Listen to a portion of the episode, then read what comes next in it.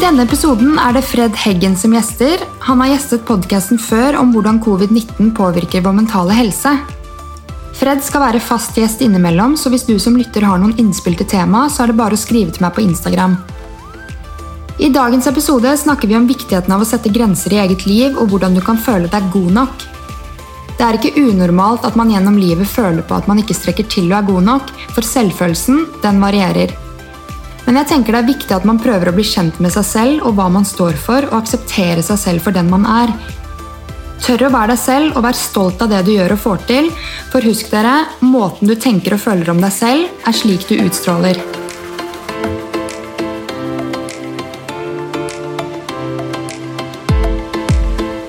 Velkommen tilbake i podden, Fred. Takk for det, Tina. Nå sitter vi hjemme hos Fred eh, på, ved Akerselva, er det det? Ja, på Bjølsen. Ja, Med én meters avstand fordi studioet er stengt. Eh, sist du gjesta podkasten, var jo i mars, da pandemien nettopp hadde startet.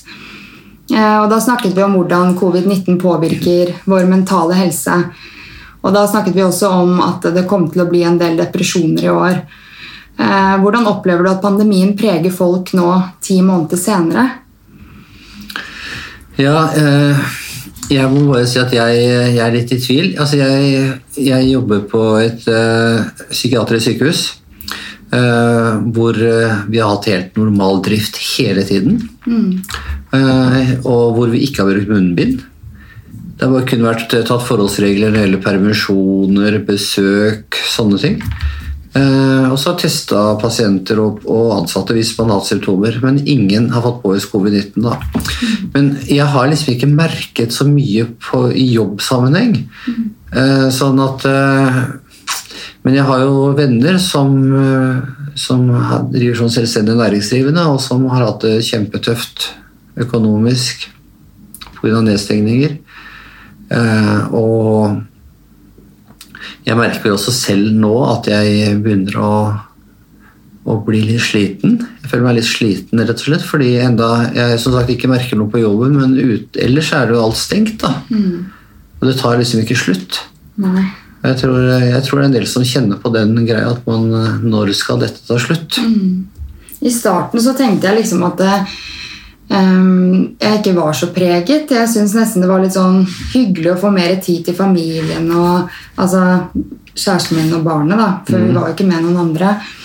Um, men nå som det har gått ti måneder, så kjenner jeg at nå begynner jeg virkelig å bli lei av at ikke man kan være så sosial, og at ikke man kan ta seg en middag ute og drikke drinker, liksom, det livet der. da. Mm. Eller bare det at man føler på en dårlig samvittighet hvis man står for nærme folk. Det er bare sånn rar tilværelse, da. Mm. Ja, det er, det, er, det er, blitt en veldig rar tilværelse. Altså, og jeg, jeg, merker jo at jeg reagerer på at det er litt sånn vilkårlig i mine øyne, da. På en måte hva som er stengt og hva som er åpent. Jeg mener, eh, hvis du går på en vanlig kafé hvor du drikker kaffe, kaffebrenneri f.eks., så er det jo veldig mye mennesker. Mm. Og mens eh, restauranter med god avstand mellom gjestene de får ikke lov til å servere et glass rødvin til middag om å stenge. Mm. Jeg forstår ikke helt det. Nei. Eller gå på Vålerenga-kamp på Intility stadion, og så er det 200 mennesker, og så er det 15 000 ledige seter. Mm. Jeg, skjønner det ikke. Nei.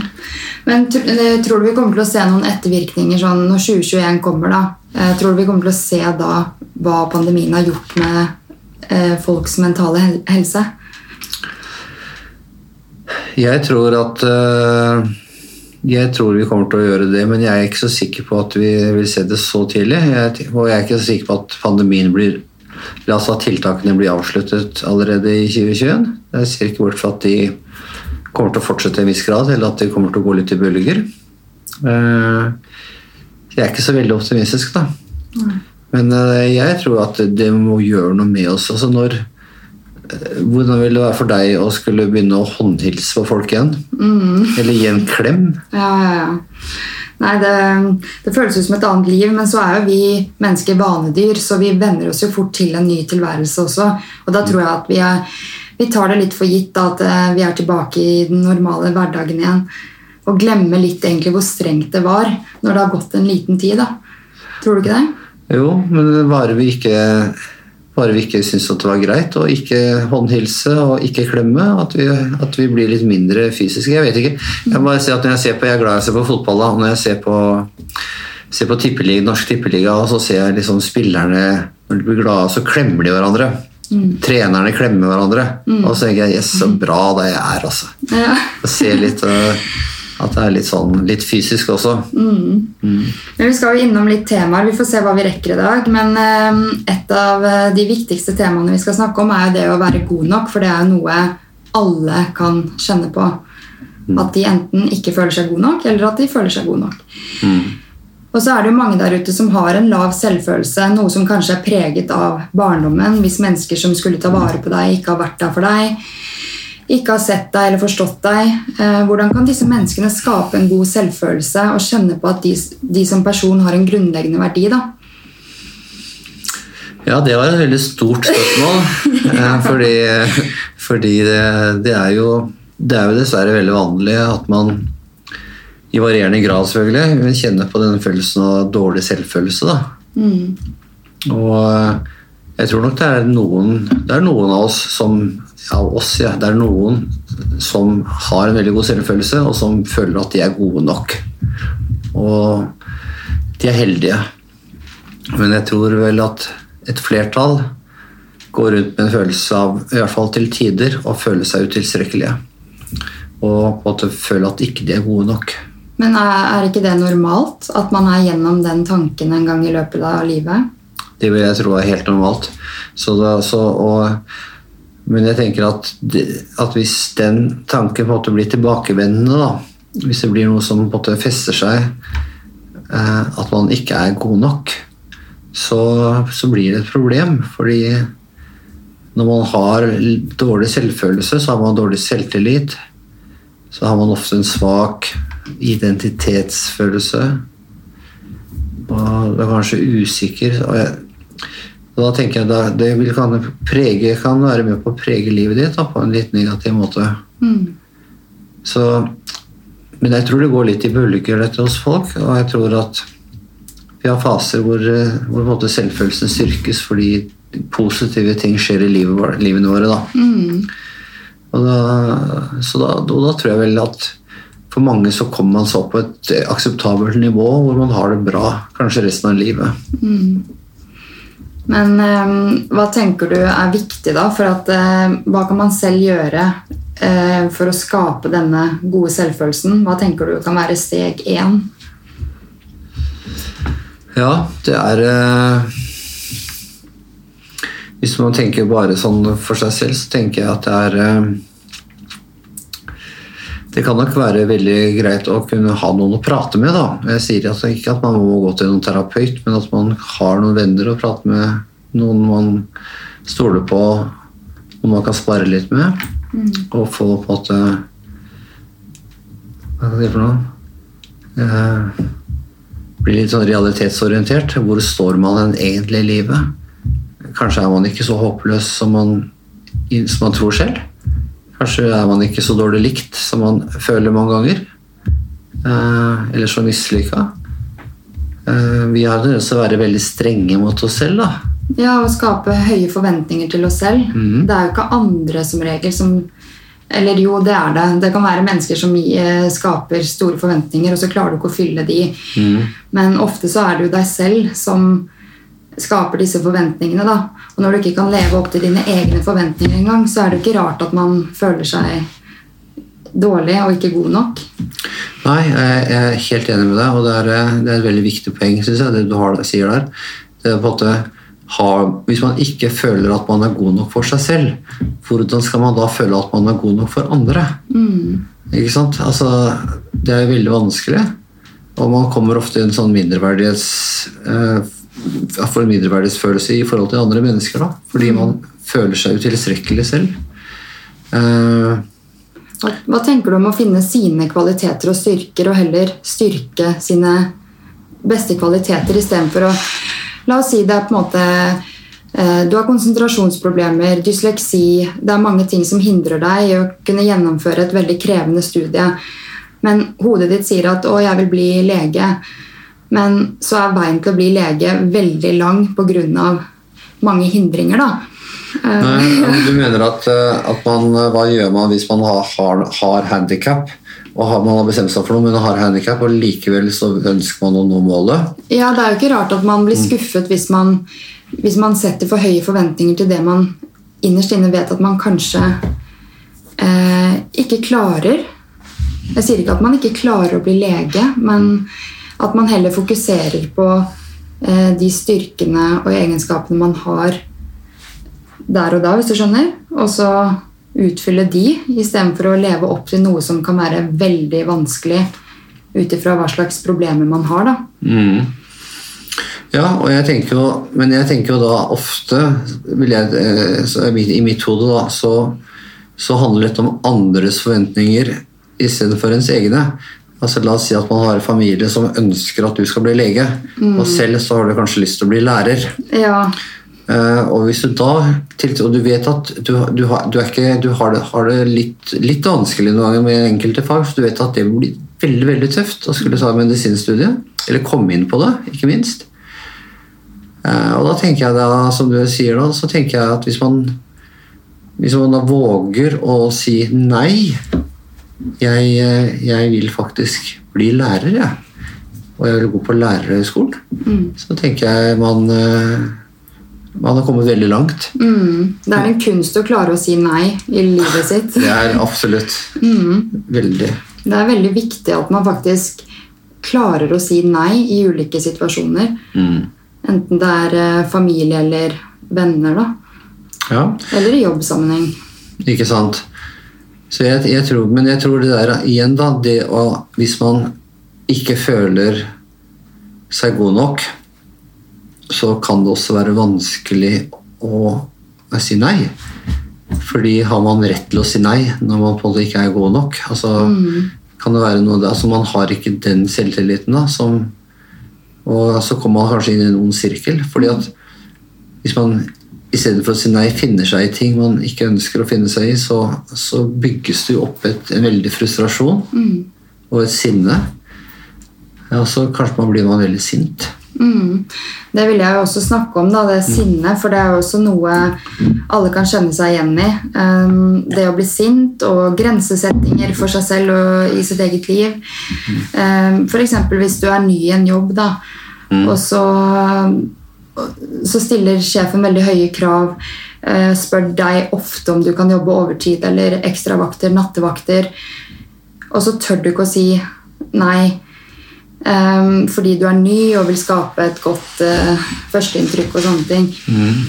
Men etter hvert så er det jo lurt å tenke på hva er det som er viktig for meg i denne jobben her.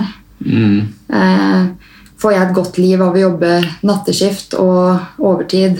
Eh, blir jeg i godt humør av det, eller eh, gjør det meg sint? da? Eh, og sette grenser når man er på jobb også, for sjefen sin kanskje. At man ikke blir overstyrt til å jobbe overtid støtt og stadig, eller Ja, jeg tror, men jeg tror det bare blir mer og mer av det. For jeg tror det blir tøffere og tøffere arbeidsmarked. Og jeg tror det kan bli vanskeligere og vanskeligere å, å måte føle med å skuffe sjefen sin. I hvert fall hvis man er tidlig i en karriere. Kanskje man ikke engang har fast stilling.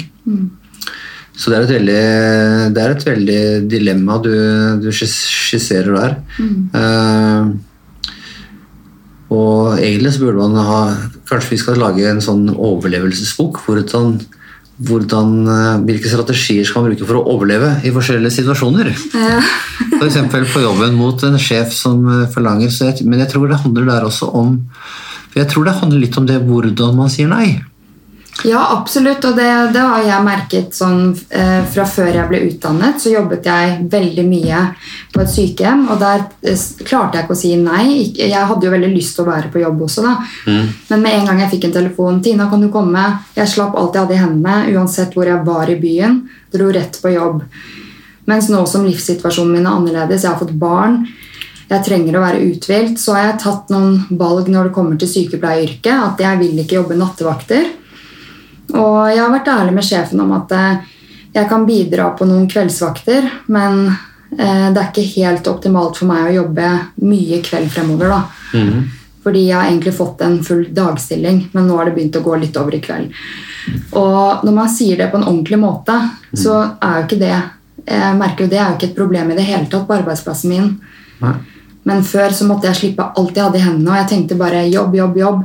Jeg må ikke skuffe de, men man må ta noen valg for seg selv også, og sitt eget liv. Mm, Absolutt. Men jeg tror bare at, at eh, de gangene det blir, det blir problemer å si nei, det er fordi man kanskje da blir så unnvikende, og man våger ikke å si nei. Man lar isteden være å ta telefonen, eller man svarer ikke på henvendelser. Fordi man, ikke, man gruer seg så veldig til å skulle kanskje skuffe sjefen sin. Men, eh, men nå skal du få et tips av meg, og det er at eh, hvis, eh, hvis man skal si nei til noen fordi man på en måte kjenner at dette går ikke, dette har jeg ikke tid til, jeg har ikke krefter, jeg, jeg har egentlig ikke lyst, så begynn alltid å svare begynn alltid, alltid svaret ditt med ja. Ok? Ja. Ja! Ja, nå skal du høre. Ja, Nei, det- jeg kommer ja, ikke. Ikke sant? Det hørtes veldig ålreit ut, men du skjønner at Ja, for da høres det- for da begynner man med ja, så blir på en måte den andre litt sånn slappe litt av, Mm. senke litt skuldrene, og da blir det lettere å akseptere at Mm. det blir et eh, nei. Nå, dette, her, dette er hemmelighet, vi må ikke si det nå, da. Men eh, det, det er jo viktig å sette grenser også når det kommer til alt annet i livet. Da. Når det kommer til relasjoner du har til familie, eller eh, relasjoner til venner. Ikke bare på jobben, da. Fordi det kan jo bli mye forventninger der også. Og hvis man da skal takke ja til alt hele tiden bare for å please, så får man, får man jo et sinne inni seg til slutt som man går og gnager på. Ja, men jeg husker at jeg var så Jeg må innrømme at jeg har vært veldig sånn Jeg har vært veldig konfliktsky, jeg. Og jeg må bare si det. Og da jeg, jeg husker at jeg var ung, og jeg er ikke mer enn sånn 17 år nå, så husker jeg at jeg at jeg ble bedt om å skrive noe for lokalavisa i Askim, der jeg kom fra. Jeg jobba på en sånn, fri, sånn fritidsklubb. da. Og så var det lederen der som spurte om ikke jeg kunne bare skrive noe fra en åpen dag vi skulle ha der. Og jeg hatet å skrive. Og jeg ville ikke skrive, så jeg bare lot være å gjøre det. Du gjorde det? Ja, Jeg lot være, jeg sa ingenting, jeg forklarte ingenting, og jeg husker han ble så skuffet. Ja. Og det, vet du, det husker jeg den dag i dag, måten jeg skuffet han på. Ja. Og da tenker jeg det må man lære av. Da hadde det vært sagt til han at vet du hva, jeg har for mye å gjøre, jeg klarer det ikke. Jeg tror ikke jeg, tror ikke jeg kan skrive noen ting. Nei, jeg tenker Man må bare lære seg å være ærlig og si ting på en fin måte. For alt handler jo om kommunikasjon. Måten man formidler ting på. Og hvis man sier ting på en måte som ikke kanskje er sårende, da, så, så gir jo det deg en god følelse. Og så kanskje det kan være litt skuffende for motsatte part, men så skjønner de at dette er ikke vondt ment. Dette handler bare om å sette grenser i livet sitt. da. Ja, nei, men det er et, eh, det er et eh, Jeg tror veldig mange syns det er vanskelig å sette grenser. Det er det. Ja. Syns du det også? Jeg syns også det, men jeg har blitt mye flinkere på det med årene. Både når det kommer til eh, venner, familie og jobb. Så jeg merker en stor forskjell fra Tina 20 til Tina 26. da. Eh, jeg står mye mer opp for meg selv og hva som er viktig i mitt liv, fordi jeg, jeg lever jo ikke for å jobbe. Jeg jobber jo for å leve. Og det samme liksom med relasjoner. Jeg vil jo møte folk i, med et godt humør og føle at jeg kan bidra noe med, i deres liv. Men hvis jeg ikke er helt der den dagen, eller ikke føler for å møte de, eller et eller annet, så er det jo bare stress for meg. Det er jo meg det går utover at jeg skal bruke tiden min på det hvis jeg ikke vil. Absolutt. Så Ja, men da syns jeg du er veldig flink til å være så ung. Jeg var eh, mye eldre enn deg da jeg Men jeg husker at jeg måtte begynne å øve på det. Jeg måtte øve på å sette grenser. Så vanskelig syns jeg det var. Og det var altså Det var sånn de gangene jeg, jeg husker jeg var på et møte hvor jeg, hvor jeg eh, måtte, hvor jeg sa til min overordnede at jeg, syntes det var upassende det han sa på dette møtet. For det omhandlet den personen som ikke var der. Og eh, jeg satt på en veldig fin måte, veldig rolig måte. Men, men etter at jeg hadde sagt det, så satt jeg og skalv. ja. Jeg var så stresset. Men etterpå så kom vedkommende bort til meg og takket for at jeg hadde sagt det. Og hver eneste gang jeg hadde sagt fra på en ordentlig måte, satt grenser på en ordentlig måte, så har det endt opp med å bli mye bedre enn det var. Men det er jo viktig at eh, man husker på det hvis, man, eh, hvis noen som hører på nå, eh, sliter med å sette grenser i livet sitt. Det, det handler om å ta opp ting på en ordentlig måte, så vil det som regel gå bra. Og hvis ikke det blir tatt imot på en god måte da, så er det jo den motsatte part som kanskje har noen problemer, da. Ja. Eller sine demoner, eller et eller annet.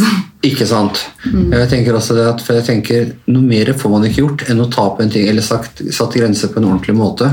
Og gjør, men gjør man det på en ordentlig måte, så får det nesten aldri gått feil. altså. Og det er eh, Alternativet ved å si, fra, alternativ til å si ifra på en ordentlig måte er jo å finne seg i ting hele tiden. Svelge den og svelge den. Ny kamel etter kamel, ikke sant? Det er jo helt jævlig å svelge kamel etter kamel. Det funker liksom en eller to ganger, Ja. men gjør du det gang på gang, så eksploderer du. For det er kanskje en bitte liten ting, sant? så er det bygget seg opp. Og det er, i stedet, men sier man fra på en ordentlig måte, så kan man gjøre det tidlig. Og så slipper man dette. her. Men har du noen eksempler fra den alderen du er i nå? Nå er du jo 60. Uff, Da er jeg så gammel. Ja, men du er jo 30 i hodet. Men eh, fra når du satte grenser i den alderen her Ja, altså jeg eh, Ja, altså jeg begynte vel altså jeg, jeg begynte å øve meg i å sette grenser da jeg var Jeg satte jo grenser før også, men det var mer tilfeldig. da. Men jeg var en, mange og 40 ja, før jeg på altså, måtte ta tak i det. Og det er veldig seint, så jeg syns at uh, Men det bare viser at det nytter da også. Men jeg måtte jo øve meg på det. Og jeg, jeg øver meg fortsatt. Og det er sånn at jeg, jeg kan nesten Jeg må nesten være, tenke som så nesten i alle ting som jeg føler at jeg blir litt Kanskje litt tråkka på eller provosert, eller hvor jeg føler at dette er ikke riktig. Eh, her er det noe som tråkker om mine grenser. Så må jeg si ifra.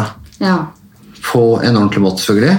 Men hvis jeg lar det være, så er jeg redd jeg kan falle tilbake til gamle mønstre. Hvor jeg blir konfliktsky. Det jeg opplever med meg selv, i hvert fall, er at hvis jeg ikke sier ifra og lar det gå en stund, så, så blir ikke den måten man tar opp ting på, sånn superhyggelig.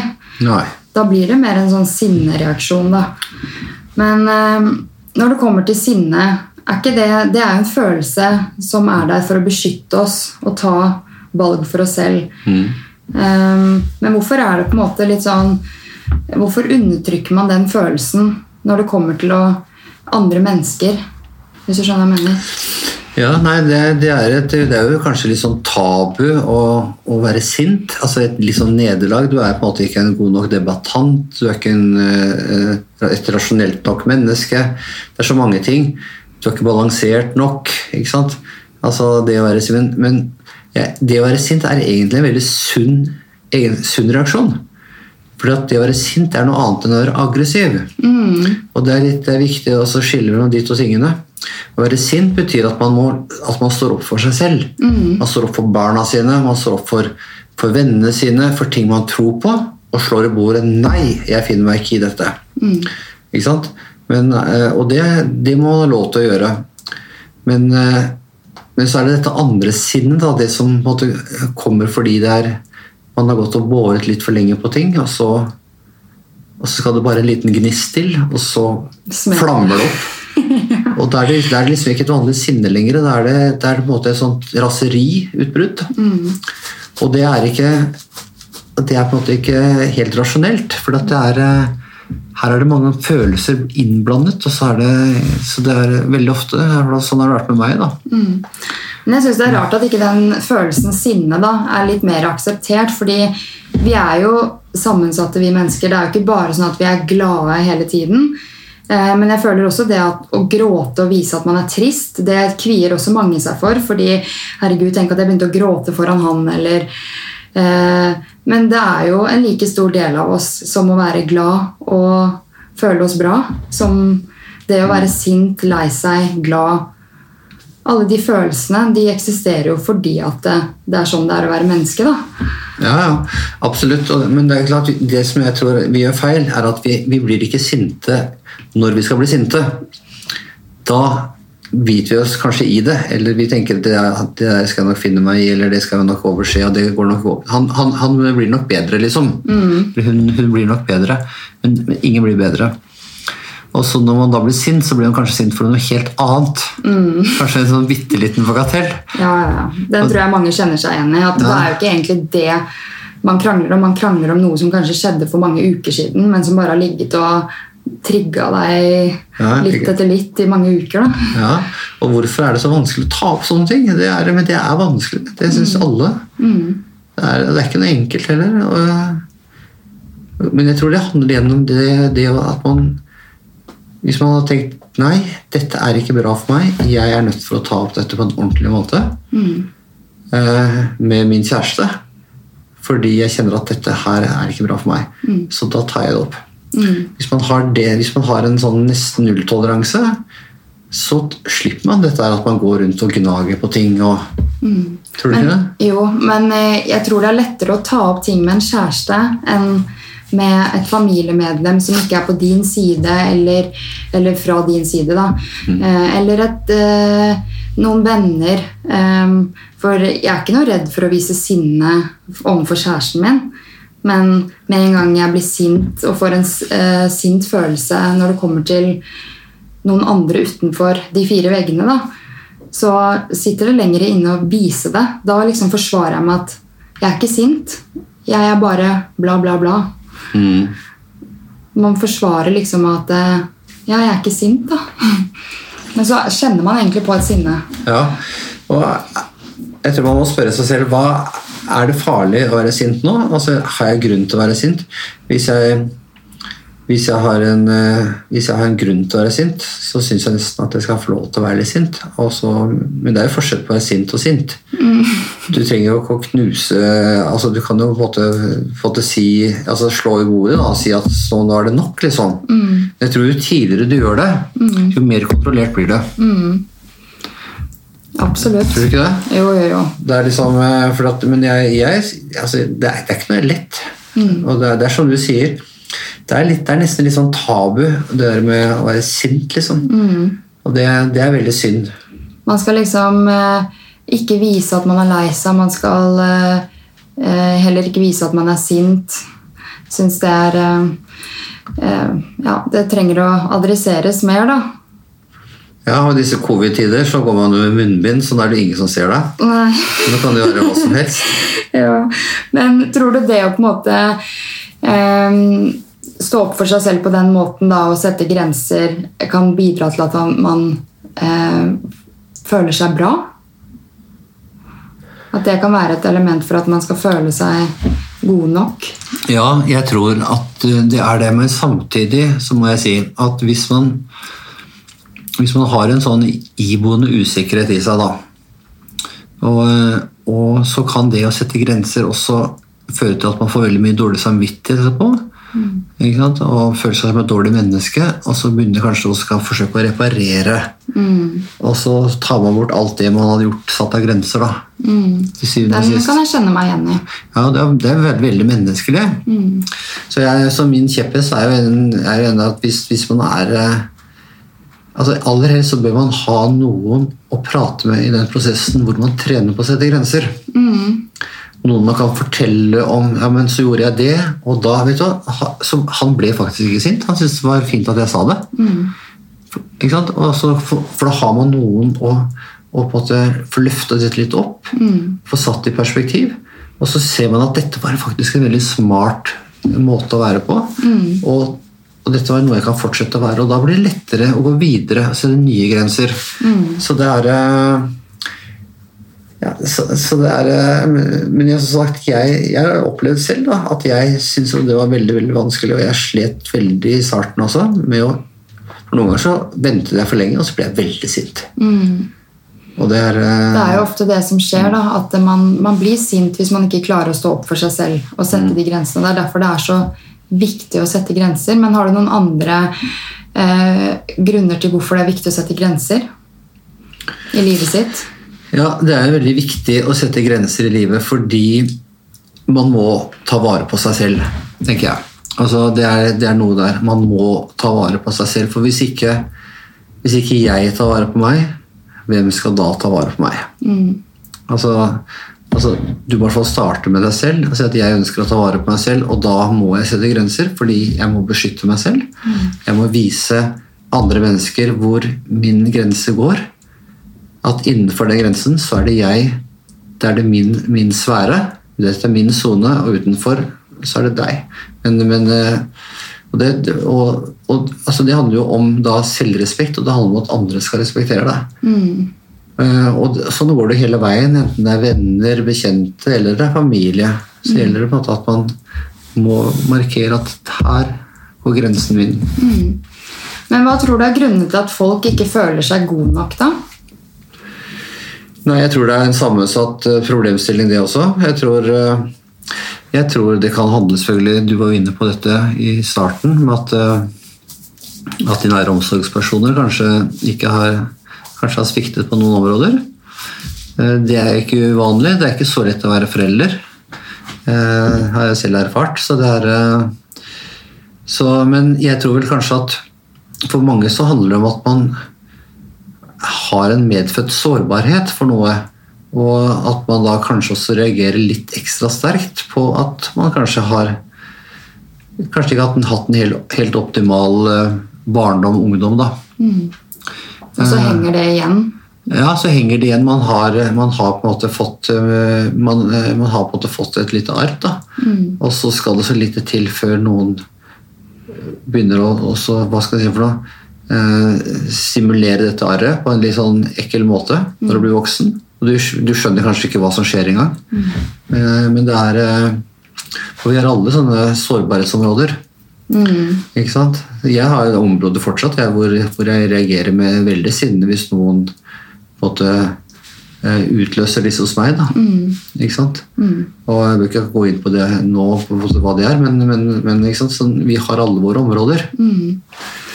Men jeg har gjort meg opp noen tanker da, rundt det å eh, føle seg bra. Eh, og jeg tenker det er viktig at man jobber med å akseptere seg selv for den man er. Og at man ikke eh, higer etter å være noen andre eller sånn og sånn og sånn, men at man bare aksepterer seg for den man er. At man prøver å tenke at eh, man er unik, da, for ingen kommer til å være deg før. Eller noen har vært deg før. Det er bare deg den ene gangen. Og at man prøver å akseptere det. Eh, og se på seg selv som unik, hvis du skjønner? Ja, jeg skjønner. Det er bare at det kan være veldig veldig vanskelig. Fordi vi, selvbildet vårt er jo på en måte litt skiftende. Og, og noen ganger så tror ikke vi på det. Det at jeg er veldig, det, er, så, altså det er vanskelig å tro på det. da. Så jeg, jeg, men jeg tenker at hvis man går rundt med et veldig dårlig selvbilde, og man føler seg som en, som en dritt, og man, måtte, man lider, så, så tenker jeg man skal forsøke å komme til noen å snakke med. Altså, da begynner jeg å snakke om terapi igjen. Da. At jeg tenker at det kan være veldig, veldig, veldig fornuftig.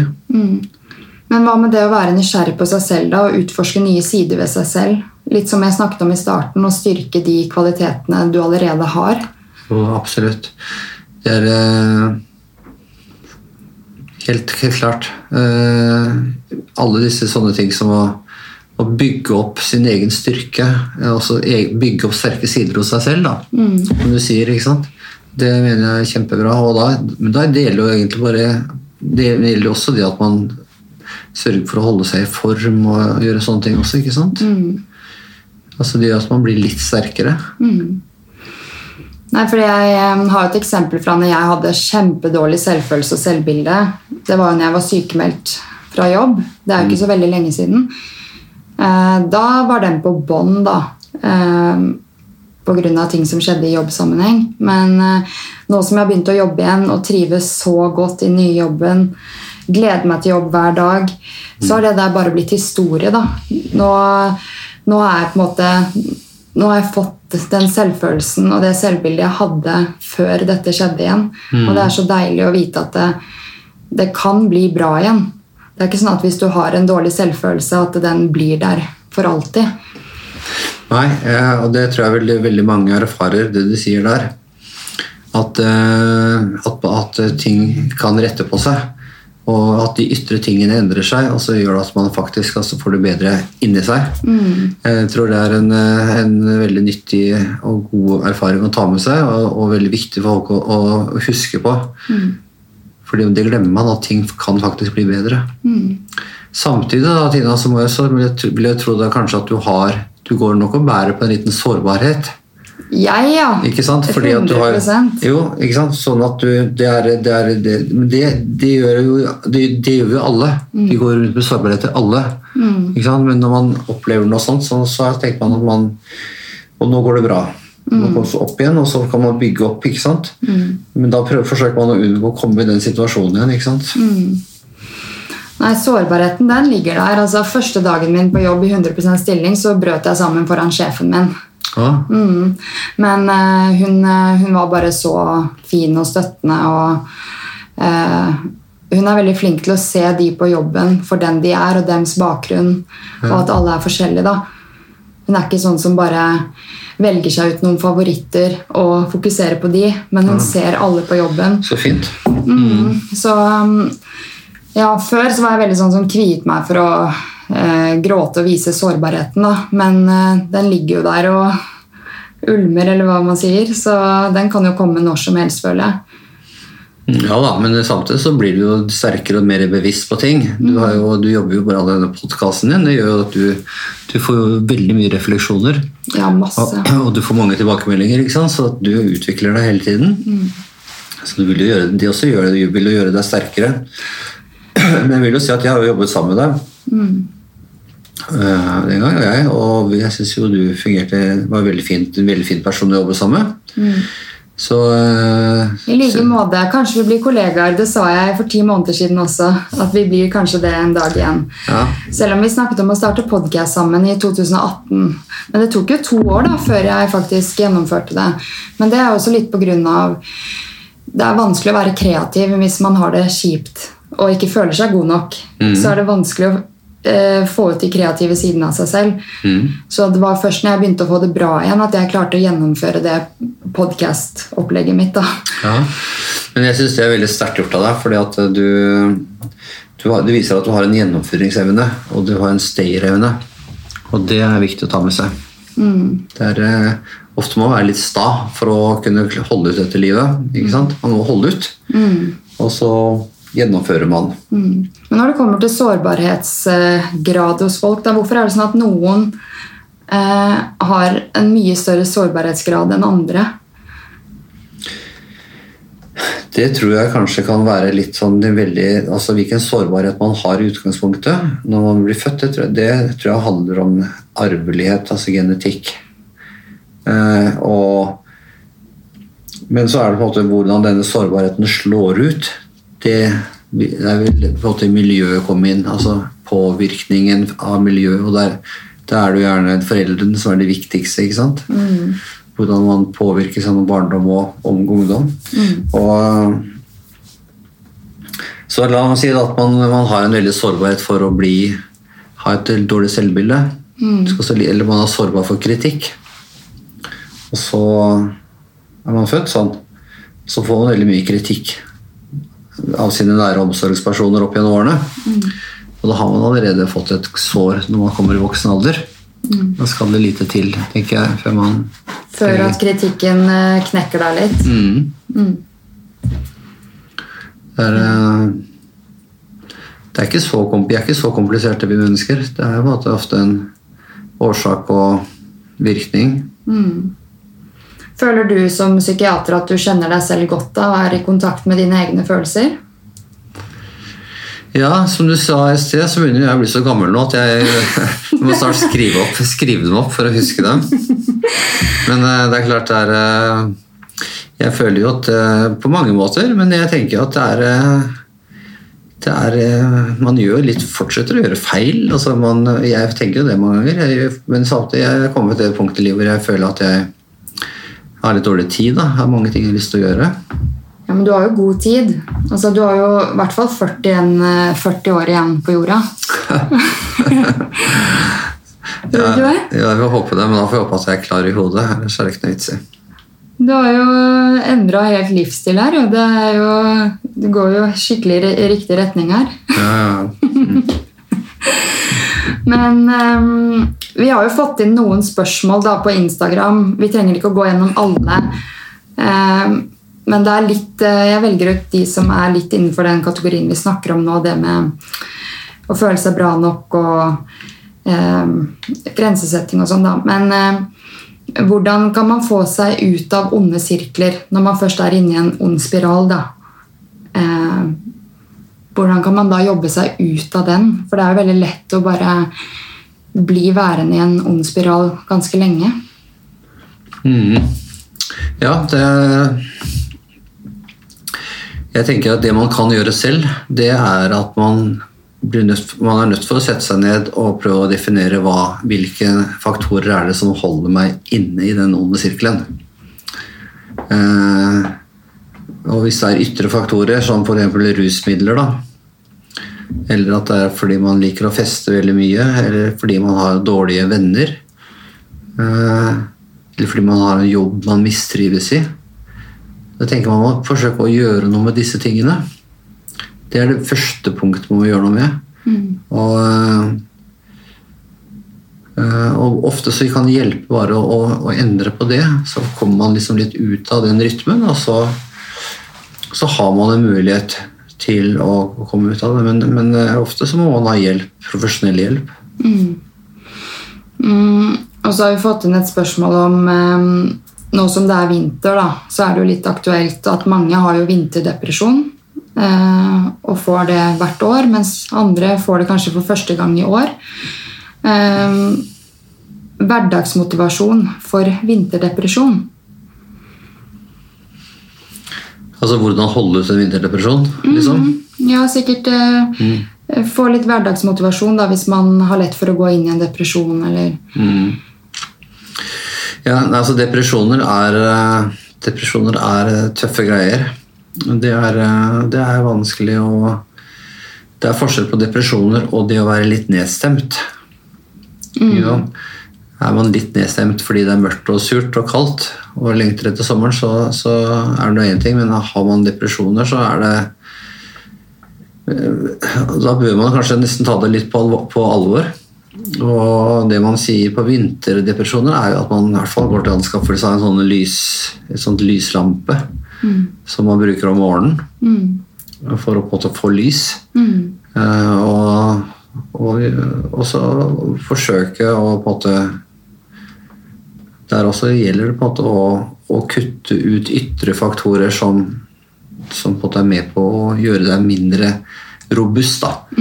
Ikke sant? Altså, det høres ut som jeg er en veldig sånn moralsk skjønnepreken her, men, jeg, men det er klart altså, mye, veldig mye festing, veldig mye alkohol, veldig mye seine kvelder, altså uregelmessig livsførsel, det gjør at du blir mindre robust.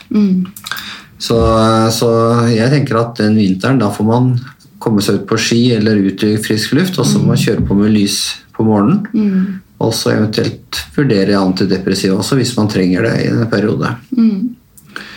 ja. Det blir jo bedre når det blir vår og, og, og, og varmere og lysere, ikke sant? Mm. Så har vi fått eh, et lytterspørsmål, eller et temaønske, da, om vi kan snakke om angst. Men det er et veldig stort område som vi kan snakke om en annen gang. Ja. Men, eh, men det har blitt veldig utbredt, det med angst. da. Mm. Så jeg bare lurer på Hvorfor tror du det har blitt så vanlig å slite med angst? Uh, ja, det er, et, eh, det er et godt spørsmål, men det er blitt mye depresjon også. Ikke sant? Det har blitt veldig mye depresjon og veldig mye angst, og jeg tror depresjon og angst henger mye sammen. Eh, og jeg tror at eh,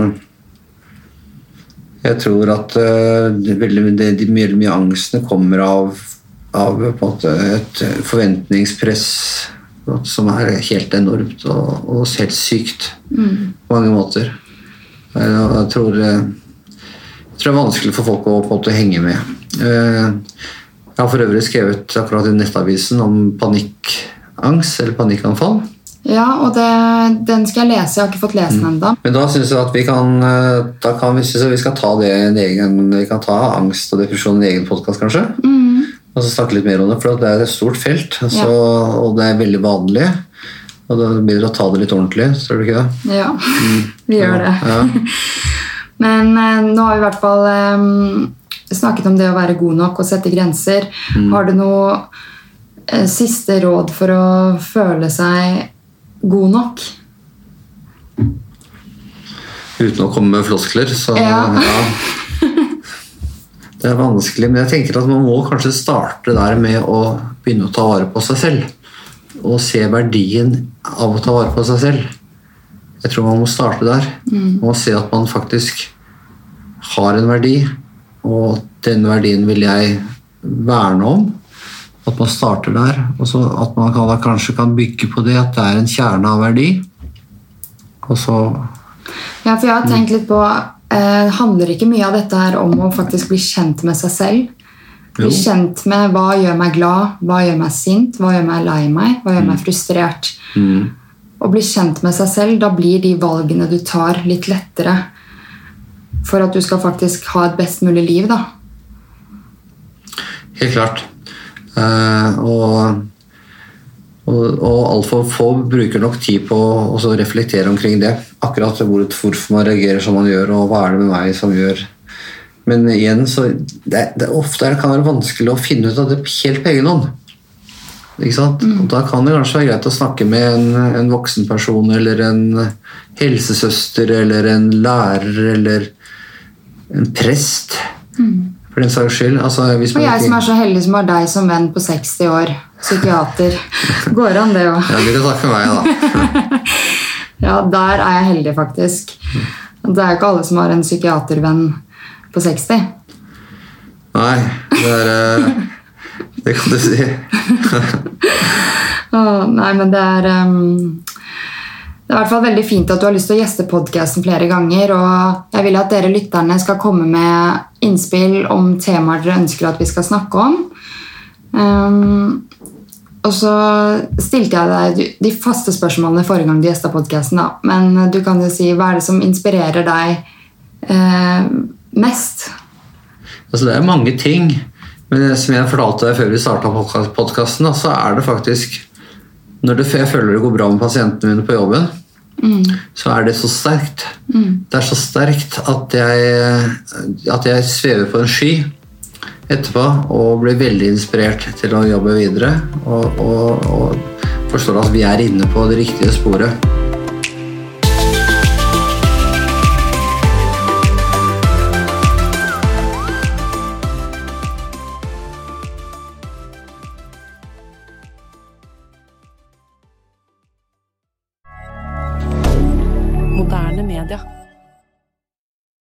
Har du et enkeltpersonforetak eller en liten bedrift? Da er du sikkert lei av å høre meg snakke om hvor enkelt det er med kvitteringer og bilag i fiken, så vi eh, gir oss her, vi. Fordi vi liker enkelt. Fiken superenkelt regnskap.